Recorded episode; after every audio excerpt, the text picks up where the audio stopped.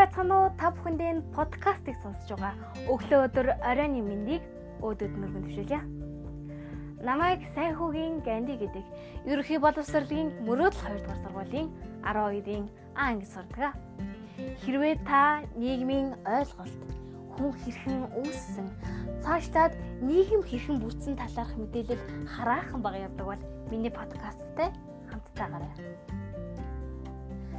Зүүнний үзүүрт будаа тогтцын адилаар энэ орчлонд хүмүүн болж мэдлэн гэдэг юутай ч зөвлөсгүй аз жаргал.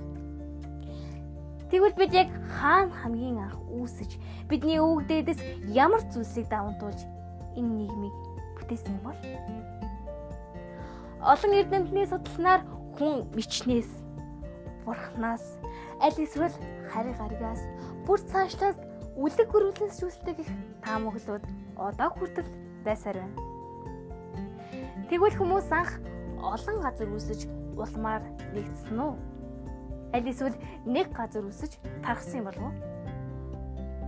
Энийг онлын хэлээр моноцентризм буюу нэг газар үссэн полицентризм буюу олон газар үссэн хэмээн авч үздэг. Сайн цэжлэрээ моноцентризм буюу нэг газар үссэн полицентризм буюу олон газар үссэн. Хүний үүслийн үе шат хүн төрс бичин өвөөс хэлдэг. Бид өмнө нь сармөгчин шиг төрстэй байсан гэдг нь тон сонирхолтой байгаа биз? Цаашдаад балар эртний хүн, эртний хүн ингэж явсаар шинэ хүн буюу бид үссэн гэж хэлдэг. Хүний бүтээсэн гайхамшигтай зүйлүүдээс хамгийн онцгой хамгийн сайн загвар нь яахын аргагүй нийгэм.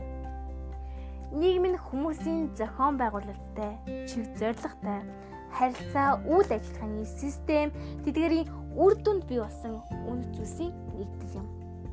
Энэ энэ онлыг таныг би хаана газар сонсон гэхэд итгэлтэй байна. Он цаг урсан өнгөрхийн хэрээр нийгэм улам гүнзгий судлагдаж мөн дотроо олон онлуудаар хуваагдаж хэлсэн Үүний тод жишээ нь тогтолцоо чанарын хандлага. Тогтолцоо чанарын хандлага дотроо ингэж хуваагддаг. Шалтгаанд чанарын хандлага, үүргийн хандлага, мөргөлдөөний хандлага, индивидуалист хандлага, институтийн хандлага юм. Нийгэмд олон судлагдхан байдаг бол хүн бид нарт ч бас бий. Жишээ нь байр суурь, эрх үүрэг, институт гэдэл бүгд л хүнд хамаатай хувь хүн өдөр тутамдаа ямар үйлдэлийг хэрхэн хийх вэ гэдг нь бурхнаас аль эсвэл ерөнхийлөгчөөс аль эсвэл бидний хамаатнаас огт хамаардаггүй. Хамгийн гол нь байр сууриас л хамаардаг. Байр суурь нь дотроо төрлөх болон олдмол гэж хуваагддаг. Аливаа судлагдсан болгон гүнзгий утга чанаруудыг гаргасаар л байдаг. Нийгэм хөгжихийн хэрээр хүмүүс элдв буруу зүйлс хийж сэтэж хэрэгжүүлэх нь нийгмийн гажуудал болж байдаг. Мэдээж бидний амьдрал сайн сайхан зүйлс гарч ирэхийн хэрээр сөрөг зүйлч хийсэн гарч ирдэг нь туйлын хар хүсэлтэй. Гэтэ бидний амьдралыг хаяа амттай болгодог юм шиг гажуудлыг засан залруулах ардгах хүүднээс нийгмийн хямд хэмээх ойлголт гарч ирсэн гэхэд хэлсдэхгүй. Мөн манай дэлхий хэр удаан оршин тогтнож байгааг хараахан мэдэхгүй ч гэсэн цаг хугацаа байгалийн жамаар улиран отохын хэрээр юм сөөрчлөгддөг.